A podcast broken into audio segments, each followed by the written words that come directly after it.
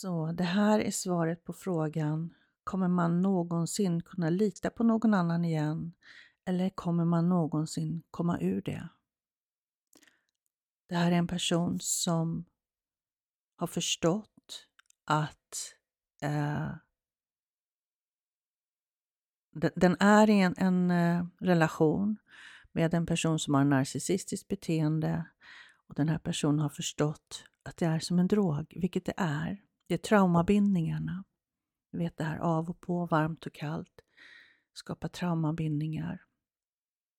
Och eh, då blir det som en drog, så det är inte kärlek som får oss att längta och vilja gå tillbaks. Det är ett beroende. Och för att läka det behövs nollkontakt under lång tid. Och det är svårt när man lever i den här relationen. Så, och i allt det här det skrivs att ehm, ja, man blir beskylld av sin narcissistiska partner för allt vad de gör egentligen. Projiceringar, otrohet, lögner, allt det där som du blir beskylld för, det kan jag nästan lova dig att det gör din partner. Det är väldigt vanligt i alla fall. Och det kan vara så att du behöver hjälp att komma ur det här. Och för att komma ur det så behöver du planera för det tystnad, så att säga. Inte tala om för din partner vad du vill göra. Du har skrivit att du har försökt att lämna flera gånger, men att du går tillbaka. Och det är också väldigt vanligt. Kärlek och omtanke till dig själv i det här. Det handlar inte om att du är en svag person eller så, utan det här är starka känslor, det här drogberoendet som gör att det är extremt svårt att lämna. Um, och när man har lämnat är det väldigt viktigt med nollkontakt. För annars så är det så lätt att gå på de där lögnerna igen. Den här hovring, där de lovar, din partner lovar att jag har förstått nu, du är den viktigaste personen i mitt liv, bla bla bla.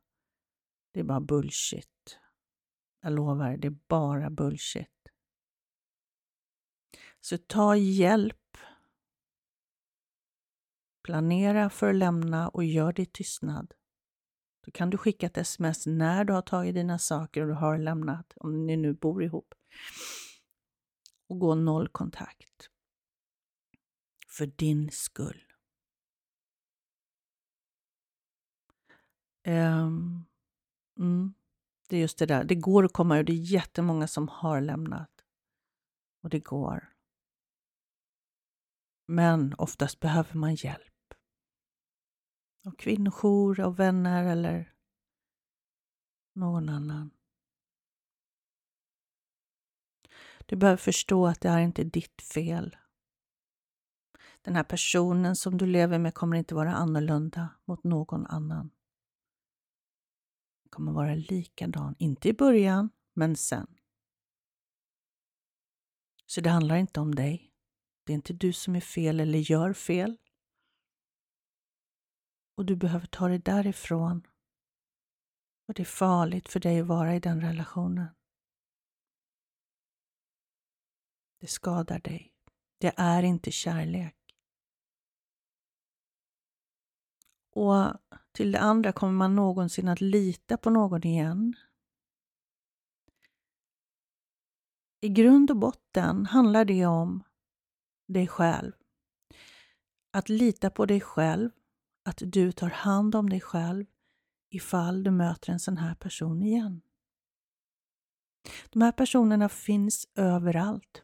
På arbetsplatser, i familjen, släkten, grannar, jag menar, de finns överallt. Det är väldigt, väldigt vanligt.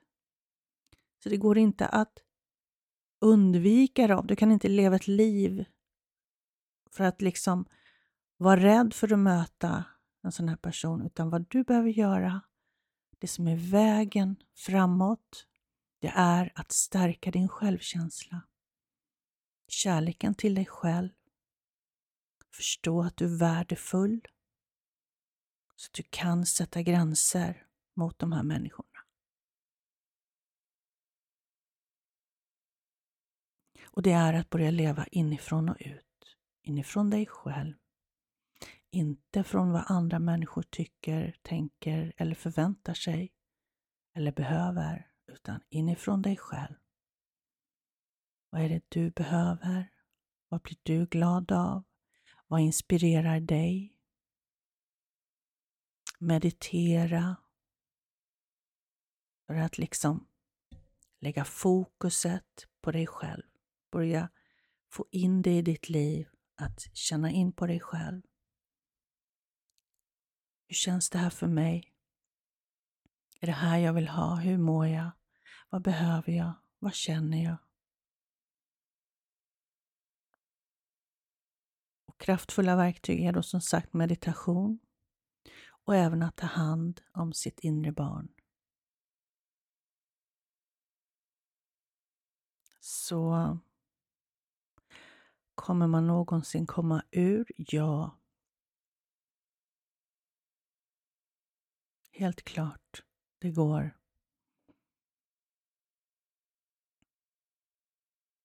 Kommer man någonsin att lita på någon igen? Det handlar om att lita på dig själv.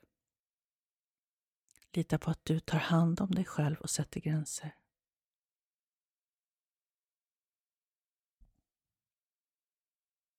Stort varmt lycka till. Jag tror på dig. Du fixar det här. Du är värd så mycket bättre.